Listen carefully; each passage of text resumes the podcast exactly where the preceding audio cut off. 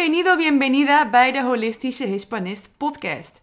Ik, Debbie van Bokstel, help jou die stralende expert te worden die zichzelf moeiteloos kan uitdrukken in het Spaans. Dat op een leuke, laagdrempelige en ontspannen manier, ongeacht je leeftijd en je taalniveau. Vamos chiquillo, chiquilla!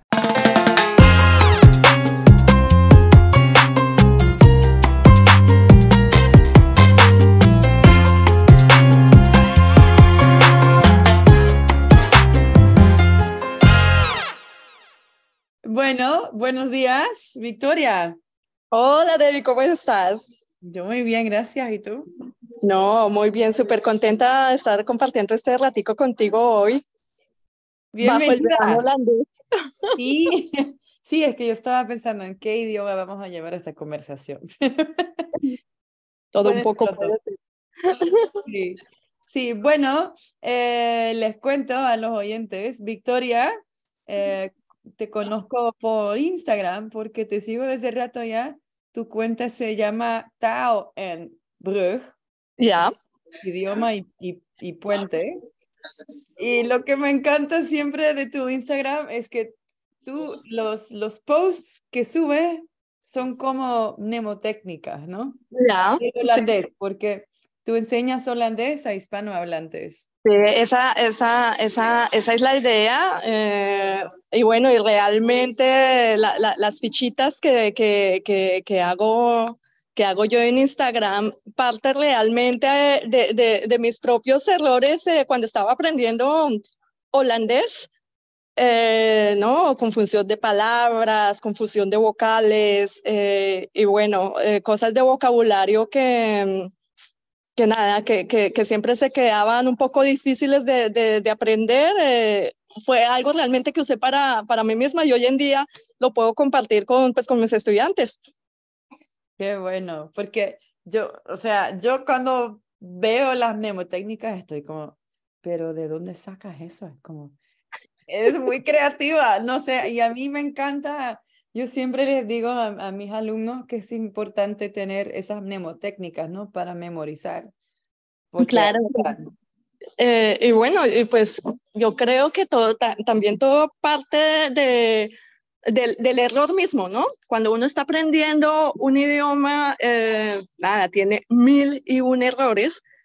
Eh, y lo bonito es hacer divertido esos errores, ¿no? Y es de esa forma como que que tú, se, te quedan grabadas más las cosas, ¿no? Hacer un poco de mofa, hacer un poco de chiste a, A, ese error. Y bueno, también eh, cosas también, ¿no? Aprovechar es, es, también como un espacio para, ¿sabes? Pues como para hacer comparaciones de tipo cultural, ¿no? Eh, ya sea con el idioma, con el clima, con las relaciones. Eh, bueno, ¿no? Porque de hecho, se llama Talenbrug porque eh, las clases que yo ofrezco, eh, más allá que el idioma, más allá que, mira, prepárate para el examen, prepárate para el Inburgeren, es más ayudar a mis estudiantes a hacer ese puente con la cultura. Por eso viene la palabra Brug, hacer ese puente, porque bueno, como nosotros como hispanohablantes y como latinos, a veces al llegar a un país como Holanda, bueno, no, nos cuesta más allá, hay cosas más allá detrás del idioma, ¿no? Las cosas, las mm. cosas culturales, eh, bueno, eh, varios de mis, eh, mis, estudiantes, ¿no? Llegaron como yo, que llegan con una pareja holandesa, esa interacción con la familia política, esos choques, y es, es nada más allá de, de criticar, porque nunca, nunca es el, el, el objetivo, es, bueno, darnos cuenta y aceptar cómo son las cosas. Sí. ¿Y cómo fue eso para ti? Bueno, no, eh, que, uy, es que ya pasó mucho tiempo. Eh. ¿Cuánto, cuánto tiempo llevas en Holanda? Ya, mira, ya me, ya, ya, ya, me estoy aplicando cremita antiarrugas y todo. ya que la Q10, que el párpado. Eh, no, eh, yo llegué hace 17 años ya, ya 17, y bueno, y, ah, bueno, es que esa era otra, hace 17 años escasamente se estaba empezando el Facebook, o sea, no, o sea, no tenías Instagram, mucho menos TikTok, ni nada de estas cosas. Eh, Entonces, claro, eh, em, a mí una de las cosas que más me ha gustado y por eso escogí Instagram es, es porque, claro, hoy en día encuentras tantas cuentas que apoyan al inmigrante, que de diferentes formas, desde el entretenimiento, desde el chiste, desde la parte de educación. Mm. Eh, todo eso, todos esos recursos que, que, tenemos hoy en día, obviamente, no existían hace 17, 17 años. Entonces, nada, eh, a punta de prueba y error, eh, es como descubrir la cultura. Tuve la fortuna, bueno, la, la, la, familia de mi esposo súper, súper abierta, eh, muy, siempre me sentí muy, muy acogida, ¿no? Muy acogida, eh, no solo por mi, por mi esposo, sino pues también por, por su familia. Sin embargo, era más para mí un reto, ¿no? Yo, claro, cuando yo llegué, para mí sí se volvió un reto de que, bueno, he decidido quedarme aquí eh, y quiero aprender el idioma. Era para mí como, sí, como un reto, una, un, un, desafío nuevo. Y no solo eso, también empezar a buscar mi propio espacio. Yo creo que eso fue, eso fue lo, no lo difícil, sino lo que, lo que, te, lleva, lo que te lleva tiempo, porque en mi caso, yo llegué, llegué con mi pareja eh, holandesa eh, llegué a seguir con mis estudios, ¿no? Seguí con mi maestría. Entonces, empezar a hacer un mundo como aparte al de mi esposo, los amigos de mi esposo, la familia de mi esposo. Para mí eso es súper clave y es como el tipo de número uno que, que les doy, por ejemplo, a mis estudiantes que llegan en esa situación, que llegan con una pareja, bien, ok, acomódate a tu pareja, obviamente, ¿no? Eh, trata de tener una buena relación con, con él, con la familia, pero empieza también a ser tu, tu, propio, tu propio mundo, ¿no? Eso para mí clave desde el día número uno y para ello también era importante el idioma, ¿no? Claro. Eh, empezar a buscar, fue, fue, fue, un proceso, fue más el proceso, yo creo que más allá del choque cultural, eh, bueno, también tiene que ver con, con mi personalidad, yo soy súper flexible, me acomodo, no, no, como muy relajada, pero para mí, digamos que más allá del choque cultural fue empezar a abrir mi propio espacio, ¿no? Ser como hacer mi propio mundo, mis propios amigos, mis propias amigas, eh, mi buscar otra vez de nuevo, buscar como mi, mi camino profesional, ¿no? Porque obviamente, claro, cuando llegas a, a, un país como Holanda, pues dejas atrás, no solo dejas atrás a tu familia, no dejas atrás a tus amigos, pero dejas todo tu, pues lo que lleva, hayas hecho hasta ese momento en tu, en tu carrera profesional. Sí. Entonces era, era como empezar a buscar eh, como caminitos, caminitos y, bueno, y, y bueno, a, punta de mucho esfuerzo pues se, se, ha logrado, yo creo. Qué bonito. Y, y, entonces, ¿llegaste mm, aquí sin saber el idioma o ya sabías algo? No, nada. O sea, eh, de hecho yo llegué, eso fue en el año del 2006, y cuando llegué, fue muy chistoso, porque cuando llegué, generalmente cuando tú llegas a, Holanda te tienes que ir a reportar a la policía, a la, a la alcaldía, a la gente, dices, buenas, ya estoy acá. En mi caso fue un poco complicado porque llegué en el 2006 y fue el año que cambiaron todas las leyes de migración. Apareció toda esta ley de Bürgeren, y cuando yo llegué, ellos no sabían qué, qué ley me aplicaba a mí, si, si me tenía que integrar o no. Llegué yo y yo, buenas, miren, es que aquí dicen que tengo que estar acá. Y llegan me dicen, ay, señorita, no, no sabemos. Mire que nos cambiaron los computadores. Y yo, ok. Ahí entendí, ¿no? Como al holandés que le cambian algo que ya lo tenía muy planeado, como, vamos, les, les cuesta un poco. Pero, pero bueno, cuando yo llegué, nada, yo no, o sea, hablaba, cuando yo llegué, hablaba inglés. Siempre digo un inglés aeroportuario, no, no lo más fino, pero me defendía y pues con ese era, con ese era que, que hablaba con mi esposo en ese entonces. Eh, español y portugués hablaba. Entonces, eh, ya, holandés iba a ser mi, mi, cuarto idioma en principio, pero nada, eh, yo llegué de cero, de cero, de, de pronto, hello, hujajet, ya, eso era lo, lo más. Y obviamente para mí como colombiana, coffee, coffee.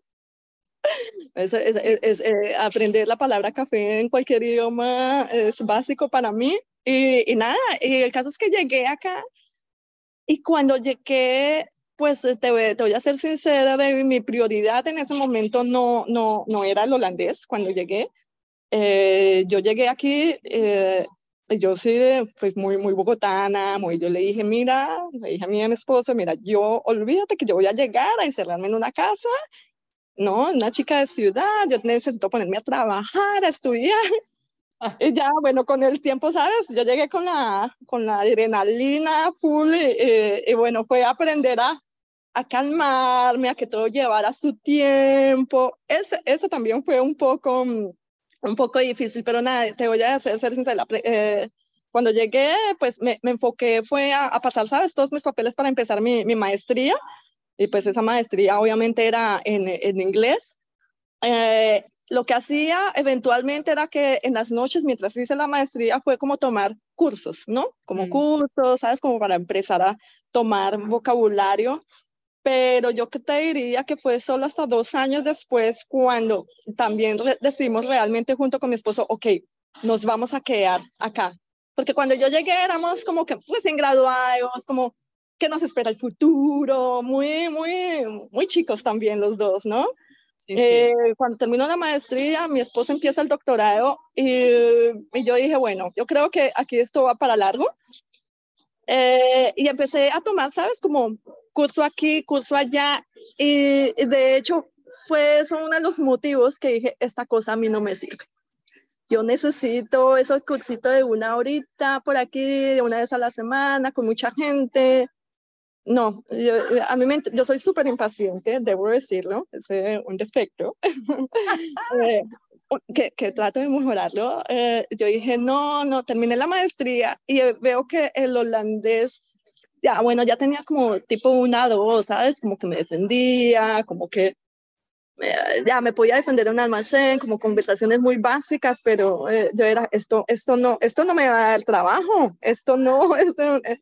Y, y, bueno, y me pasó realmente cuando terminó la maestría, me salía mucho trabajo para empezar a trabajar de nuevo afuera, para regresarme a Latinoamérica, para regresarme a Brasil, a Colombia, y yo ya estaba empezando a construir cosas en Holanda. Entonces yo les decía, no, pero yo quiero algo acá. Y, y ahí venía la, la, la, pregunta del millón. ¿Y cómo está tu holandés? Y yo, ¿cuál? Mi esposa, muy bien, gracias. eh, nada, el, eh, ¿cómo está tu holandés? Y, y, bueno, ahí, ahí fue, yo, pues mire, yo sé decir esto, sé decir esto. Y empecé a, a darme cuenta que se me estaban cerrando puertas por eso. Y ahí, digo, yo tomé una decisión, yo creo que una de las más radicales que he tomado y dije, paro con la búsqueda de trabajo, paro con todo y entré al Leiden, o sea, no, no fue que me voy a hacer un cursito, sino entro al Leiden a hacer otro bachelor. Y me entro a, la, a, a estudiar en Nederlandkunde, estudios holandeses. Yo dije, mi, hermano, mi esposo está seguro, yo dije, no, esta cosa a mí me tiene que entrar, así sea, no sé, eh, por osmosis. Y bueno, fue una decisión que obviamente al año yo decía, ¿en qué cuento me metí yo? Porque es hacer una carrera totalmente en holandés. Y bueno, en Leiden me encanta la universidad, muy buena, pero sí tienen una filosofía que decíamos en, Colombia, la letra con sangre entra, ¡cha! cuatro horas de la duro, eh, los exámenes súper fuertes. Eh, recuerdo mucho que los exámenes de vocabulario para sacar un 6, un simple 6, no era la mitad más uno, sino simplemente tenías que tener el 80-85% bien de tu examen para tener un 6. O sea, el nivel de exigencia era, y yo, Dios mío, pero esta gente, ¿dónde viven? O sea, pero bueno, y cosas de la vida. Mientras entro a hacer el bachelor, empiezo a trabajar entonces yo, yo me moví mucho, eh, ¿sabes? Como empiezo a trabajar en Amsterdam, entonces vivía en Delft, estudiaba en Leiden y trabajaba en Amsterdam. Y ahí yo digo, yo me volví la Intercity más famosa en todo el tren. Eh, nada, pues siempre me moví mucho con el tren, entonces también todo lo que me pasaba en los, en los trenes, eh, historias mil para contar. Pero bueno, fueron, te voy a decir, como tres años hasta que se terminó el bachelor, súper intensivo. Eh, termina el bachelor, eh, termina también conciencialmente mi contrato en Ámsterdam. Yo siempre trabajé para ONGs, para organizaciones no gubernamentales. Eh, cuando nada, ya pasa el tiempo y, y, me dio ya la locura de que quería ser mamá. eh, bueno, ya había pasado el tiempo, yo dije, bueno, eh, había terminado el bachelor, ya, ya había presentado todos mis exámenes, ya era holandesa. Eh, eh, y, y, estando en es que cuando ya estoy embarazada, que no fue muy fácil, me digo, bueno, quiero tomarme este tiempo para, ¿no? Pues para mi embarazo. Y ahí realmente nace la idea de, de Talenbrug.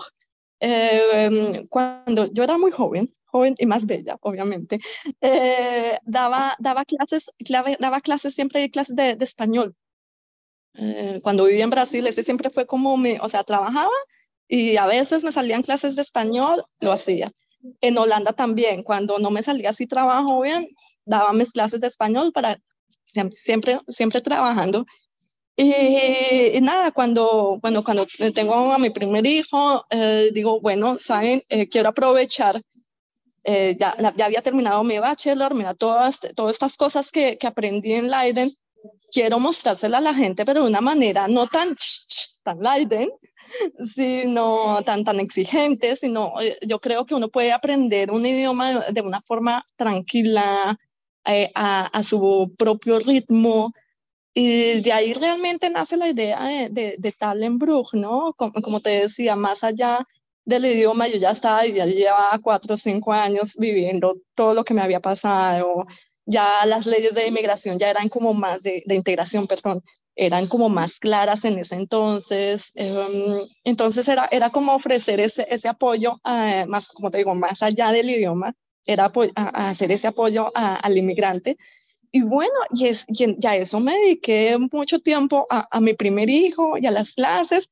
Y, siempre fue como, ahí, lo tenía muy, muy, muy debajo de, de la mesa, mi, mi, proyecto de, de Talenbrug. Em, y bueno, hasta que ya nada, llegó un segundo hijo, o sea, siempre estuve eh, alternando, ¿no? Y entre historia e historia, también tenía, siempre he trabajado por mi cuenta, por otro lado, ¿no? Entonces, eh, mucho tiempo trabajé para, para ONG, eh, en La Haya, básicamente, y en cierto momento me cansé, dije, quiero irme al sector privado, siempre ensayando, probando cosas nuevas más eh, por, mi propia, por mi propia experiencia, ¿no? Por, por, por adquirir otro, otro tipo de experiencias. y bueno, y, y, a la vez tener lo de Talenbrug, siempre ha sido como, siempre me he manejado como en esos dos, en esos dos, dos mundos, digamos. Sí, sí, sí. Y, y entonces al final lo que te ha ayudado en, en, aprender el holandés era el hacer el bachelor, porque ahí tenías que claro, claro, realmente sí, eso eh, no cabe duda, eh, realmente lo que a mí me ayudó para, para aprender el idioma fue, fue, fue el bachelor, porque pues era una cosa de lunes a viernes, súper intensiva, y más allá de la intensidad era, era el, el nivel de exigencia el nivel de exigencia, ¿no? Porque son tres años y, y claro, te, te, lo enseñan a un nivel universitario. Eh, eh, bueno, no era la mejor estudiante, nota bene, debo decir, pero eh, vamos, es que había, no, realmente te topabas con gente realmente brillante. pero, pero bueno, lo saqué con mucho esfuerzo, muy orgullosa de, de lo que hice esos tres años.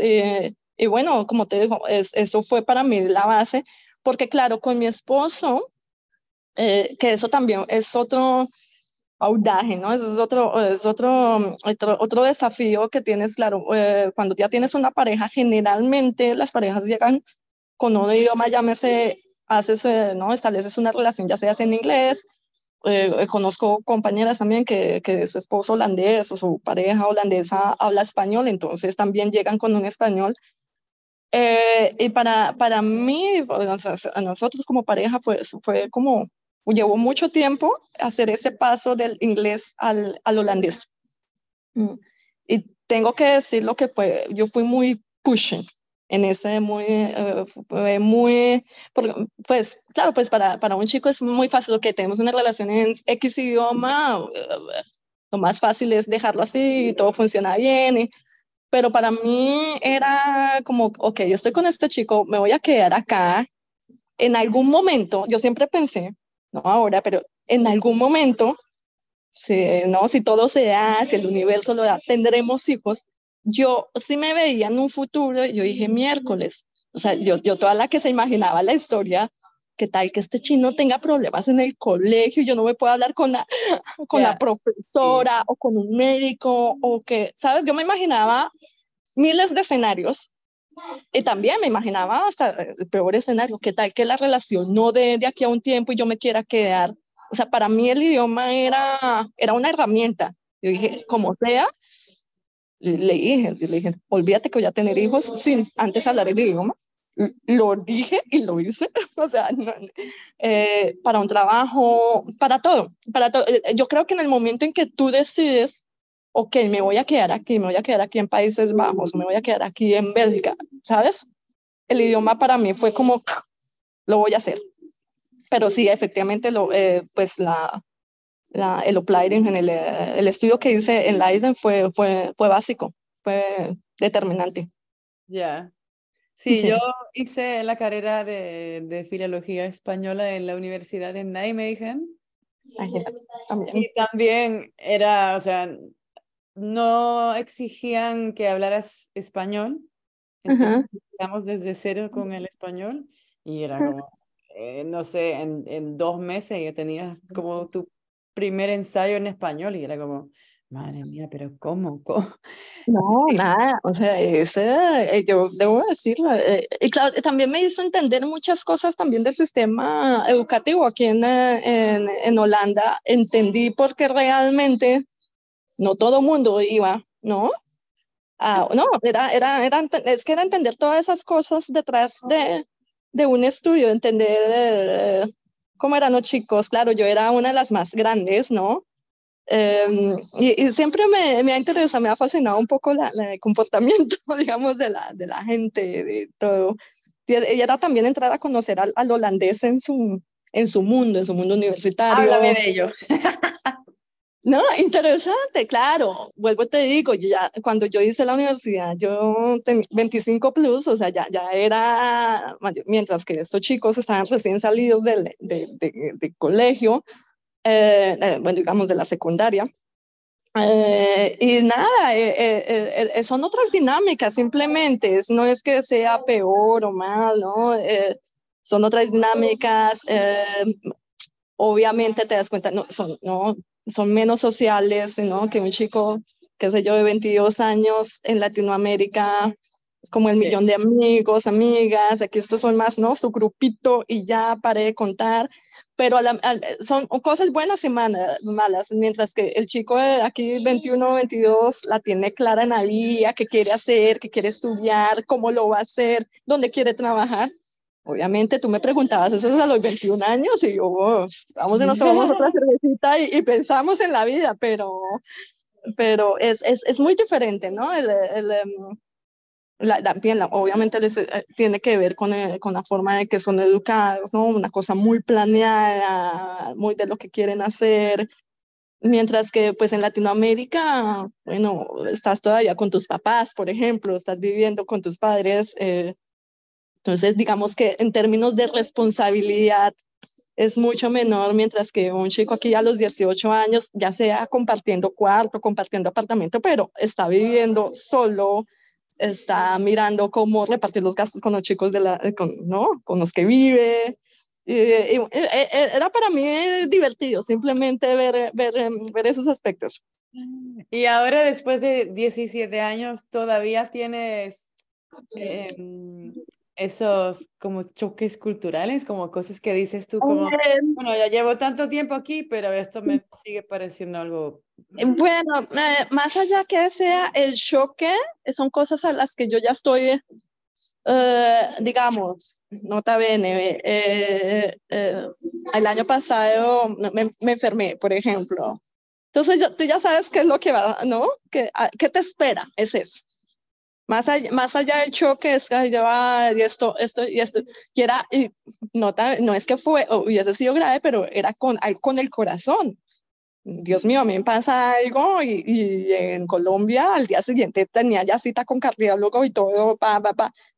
cuando empecé a sentir cosas, como una especie de taticardia, yo dije, no, esta vaina se me va a demorar. Dicho y hecho, o sea, fue como, ven y que te mire el doctor y de pronto si el asistente del doctor te quiere dar la cita y entonces, eh, no, y el especialista, pero no, primero te hago un examen, ¿sabes? E, esa, no es que fuese choque, pero yo dije, ah, miércoles, no me quiero enfermar porque, ¿no? Ya, ya sé lo que, lo que me puede esperar. Y todavía sigue siendo, sobre todo el sistema de salud, todavía como que lo, eh, lo, no.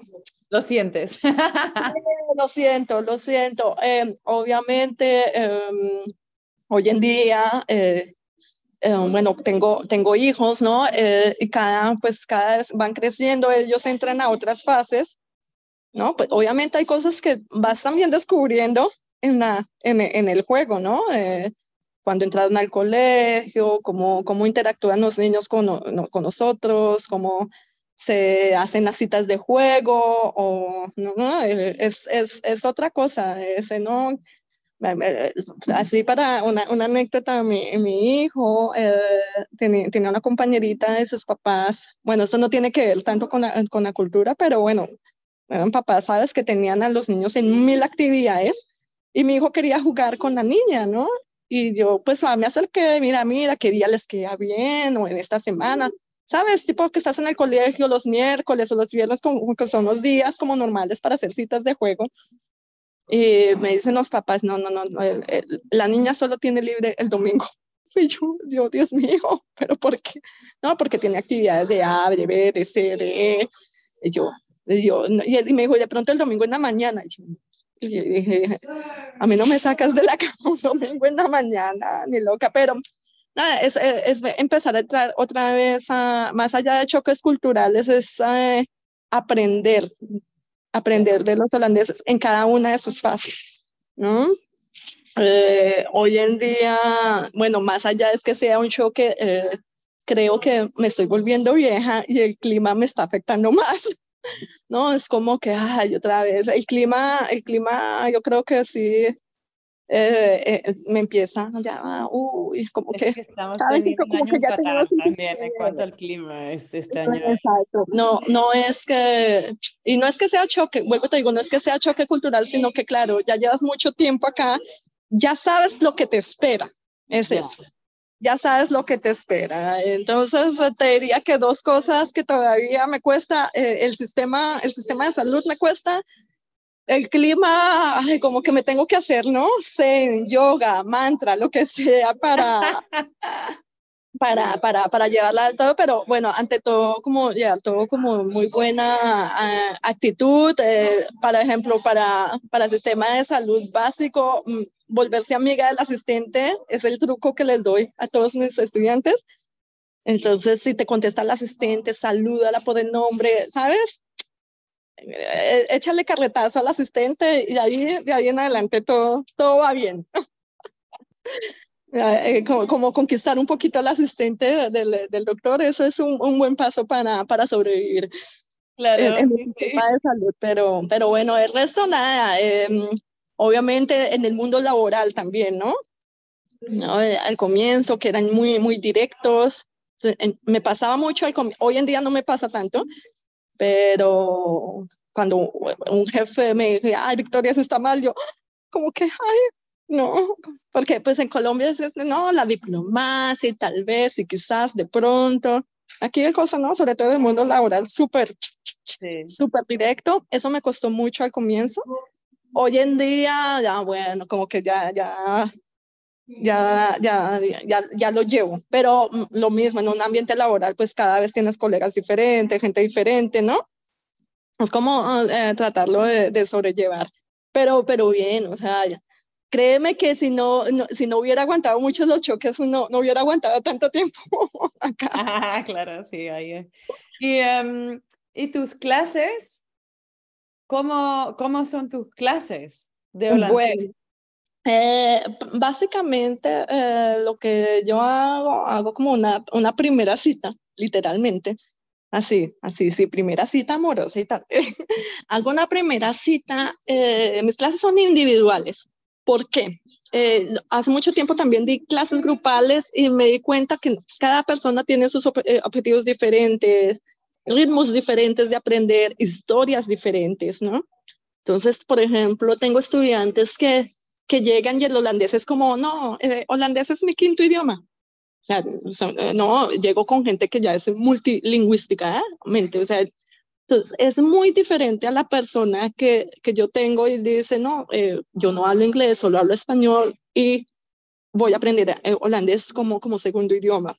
Sí. Entonces, eh, en, esa primera, en esa primera cita, literalmente sacó toda la información posible. ¿Por qué? Porque es que así me hago yo un contexto de lo que necesita la persona, para qué quiere el holandés ¿sí? Eh, porque claro, también tengo estudiantes que son más allá de qué tipo de profesional, es decir, llegaron aquí, la mayoría, ah, puedo decir que un 70% de mis estudiantes son gente que llegaron aquí a Holanda o llegaron a Europa, hicieron su maestría y empezaron a trabajar para una empresa holandesa.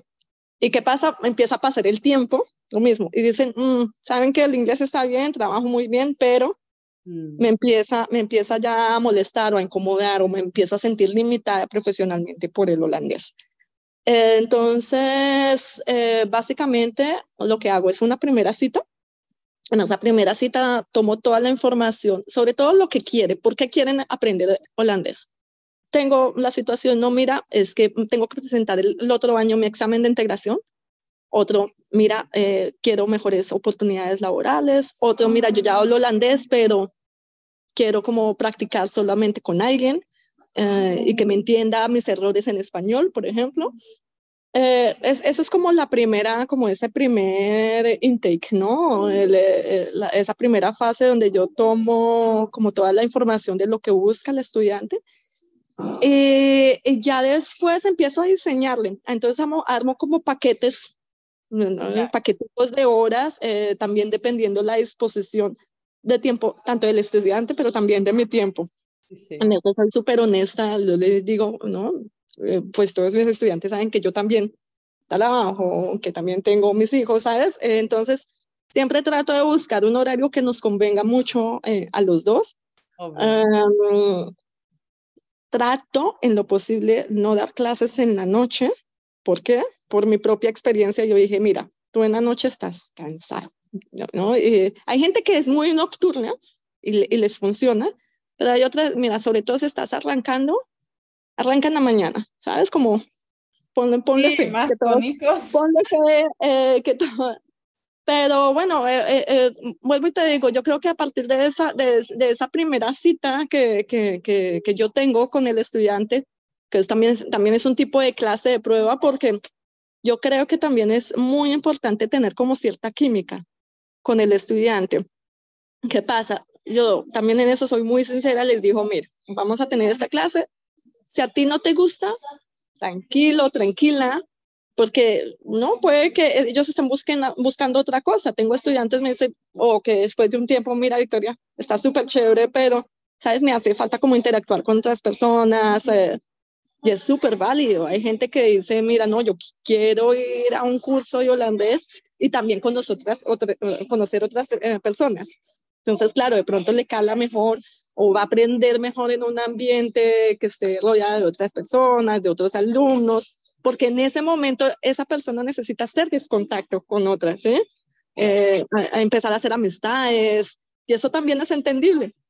Entonces, básicamente a partir de, la, de, de, de lo que está buscando ese, ese estudiante o esa persona, ya sea su examen o porque simplemente ha pasado por, me ha pasado también que gente que ha pasado por miles de cursos eh, intensivos, eh, no intensivos, y me dice, no sé nada, no entiendo nada, ¿no? Entonces empezamos desde las cosas más básicas, eh, algo que hago desde un comienzo y es como lo que siempre nos da como que se nos cuesta mucho a, ¿no? los hispanohablantes, eh, yo, llevo mis primeras clases, siempre son sobre vocales, claro. Y es muy curioso, esa clase de vocales, no, es que esa clase de vocales yo la recibí, me acuerdo mucho en la de casi terminando, y yo decía, a mí, ¿por qué no me explicaron esta vaina al comienzo y ahora al final, o sea, los problemas que me hubiera yo evitado. Sí, sí. Eh, ¿Sabes? Como simplemente me decía, es que es esto, el, eh, eh, el español son cinco vocales, cinco fonemas, holandés cinco vocales, 16 fonemas. Yo, oh yo no, ah, no, no te los aprendas de uno, pero entiende que hay 16 sonidos, es eso, era, ¿no? Entonces, una de mis primeras clases yo arranco con eso y también eh, de una vez arranco con, con, con Survival Kit, o sea, el, kit de sobrevivencia en lo que estás. Si es una persona que está trabajando, mira, empieza a, a, soltarte en palabras que te sirvan para tu trabajo, ¿no? Si estás en una relación, palabras para conquistar a la suegra, no sé. Eh, sí. Eh, Sabes, también, también me fijo mucho en qué, en qué fase, en qué fase de la vida también está eh, mi, mi, estudiante. Y, y, bueno, y como te, es, algo que me gusta mucho poder, yo, no, no, es que haya, no estoy tan vieja, Debbie, pero pues obviamente ya he pasado por diferentes fases en mi vida. Y, y como latina me puedo imaginar cómo, me, es eso, puedo, me puedo imaginar cómo la otra persona se puede estar sintiendo, eh, puedo entenderla desde, desde su perspectiva, ¿no? Eh, otra vez, no, también he tenido estudiantes también como que eh, evito mucho, no es que evito, no, hay gente que llega ya también como, digamos, como una mala energía, como que, ay, es que el holandés, ya a quejarse. Y yo dije, bueno, esto va más allá del idioma, esta persona simplemente no está feliz, ¿no? No, ese, vuelvo y digo, yo no soy psicóloga ni nada, pero sí trato de, ¿no? De que, de que la otra persona que esté al, al otro lado de la pantalla se sienta cómoda, se sienta, ¿no? Que, que, que, le estoy, que caray, también está pagando, o sea, que, que, que se sienta, que sienta es que... importante, claro. Si no, tampoco vas a aprender mucho, si te sientes que, que, que, se sienta cómoda, que se sienta que está aprendiendo. Y bueno, y, y, entonces, bueno, ya, como te digo, después de las clases hago, armo como paqueticos, eh, paqueticos de clase, les digo más o menos cuántas pueden necesitar, porque eso también es algo que se vas viendo durante las clases. Hay gente que, vuelvo y te digo, me, me, he topado con gente bastante brillante y que, que yo explico dos cosas y ellos, ah, eso quiere decir que A, B, C, yo, oh, ok, tengo que saltarme clases. Como estudiantes que yo digo, bueno, eh, eh, hay que meterle otro, necesita otro enfoque, porque le está costando esto, porque le está costando aquello. Em, y bueno, pero, pero pues es un trabajo que, que realmente lo, lo, hago sobre todo con mucho amor con mucho amor, ¿no? Eh, y tratar de, de, ponerle buena energía a la, a la, a la cosa. Y bueno, yo soy y también esa es como la idea también de la cuenta en Instagram, ¿no? Como reírnos un poco, relajarnos, eh, aprender de, de, otra manera eh, el holandés. ¿Y cuál es una de tus expresiones favoritas en holandés? Ay, eh, ay, de expresiones. Bueno, ahora, eh, eh, obviamente con, con niños es hache, ¿no? Le digo a mis que no, es hat, es hat, ¿no? Eh, me, me, gusta esa. bueno, con los chicos, eso sí, no te ven, yo soy ahí medio, medio rigurosa, solo les hablo en español. Entonces, eso es como, como, como mi expresión favorita. Eh, ya el, el MOA, es, es, es, más allá de la expresión, me mata porque es como, como interpreto el MOA, como algo, siempre, siempre me genera, me, me deja pensando. Ah, es, el, el MOA me deja, me, me deja pensando. O, um, no, pero es que eh, dependiendo la, la, la, la situación, dependiendo la situación, pero Sí, pues, me, me deja, ahora me dejaste pensando que, que, frase, no, no tengo como frase favorita realmente. Eh, siempre, siempre, se me, se, siempre se me hacía chistoso, Kaiken, Kaiken y Copen, eh, se me hacía súper chistoso, se me, hacía, se, se, me ha hecho muy, muy cómico. Hay, hay otro que, ¿no? Que, que como que yo, yo, yo, ay, yo si quiero lo compro. Uh, no, no, no. No, no, ese, ese, el, el backing, ah, se lo va en backing, ya, e, esa me gusta. Se lo va en backing, no, me encanta el café, cafetera 100%, entonces el primer filtro, tomas café y, y, es un buen momento, ojo, eh, para la gente que está trabajando, eh, eh, el coffee tight es, es clave, es súper clave en el ambiente laboral. Es, no, no, solo sagrado, todo lo que, o sea, hay gente que no toma el coffee tight, háganlo, háganlo, háganlo, por, por su futuro profesional, el coffee tight es solo va en back eh, vamos, vamos, hágale, hágale, hágale. Eh, es, eh, eso para mí es música, ¿no? El, el back, el back es... y bueno, la agenda, la agenda es obviamente una extensión de, ah, sale, agenda kijken. que oké. Ja, we spreken nog wel iets af. Ja, pero, pero bueno, eso, eso no es que sea un choque cultural, pero es una de las cosas que, que también el hispano, el, el, el, hispano generalmente se tiene, se tiene que adaptar mucho. Eh, yo tuve la suerte o, o desfortuna, digamos, que, que, que crecí en Bogotá, eh, una ciudad bastante grande, y yo sin querer queriendo, yo llevaba agenda en, en Bogotá. Entonces, eso me ayudó en la vida. A mis amigas nunca les gustó eso, pero mira, eso, eso fue mi, mi, mi, mi, cara, mi carta de salvación acá. Ya eras holandesa antes de llegar. Pero no, mucha gente se, se ríe de nosotros porque mi, mi, esposo es mucho más relajado que yo. Entonces, claro, dicen que no, la, la, la holandesa, la que tiene el, el, mapa, el cronograma, ta, ta, ta. Pero, pero bueno, eh, funciona. Ya, y nos sigue funcionando, así que... Bien. Está, está bien. Uh, bueno, muchas gracias. No sé si tienes algo más que compartir no, a, a, los hispanohablantes que vengan aquí a, a, aprender el idioma. Sí, sí, básicamente súper, para todo, cualquier cosa, ¿no? Yo creo que en el momento en que tú decides quedarte aquí, ya sea porque tienes una familia, porque tienes un buen trabajo, o has encontrado una buena oportunidad laboral, eh, por cualquier cosa, ¿no? Eh, el idioma siempre va a ser una herramienta, una herramienta también de defensa, ¿eh? Porque a veces sí en los hay ambientes en los que si no hablas el idioma. Te, te, te, llevan por delante. Entonces sí, sí, sí, sí hay que estar como pilas en eso, en eso, David. Pero nada de ti, David, mil, mil gracias por la invitación. Espero no hablar, haber hablado demasiado rápido. No, que va.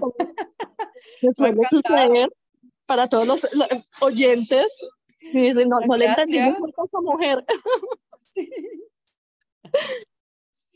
Venga, muchas gracias a todos los que estén escuchando.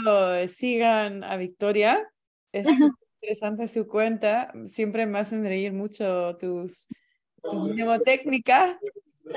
Y, y bueno, espero que no sé si hay alguien aquí con una pareja o no sé, que conozca a alguien que sea hispanohablante queriendo aprender holandés, pues ya saben a dónde ir. Gracias, Devina. A todos un feliz día para todos y muchas gracias por la invitación. Igualmente, muchas gracias.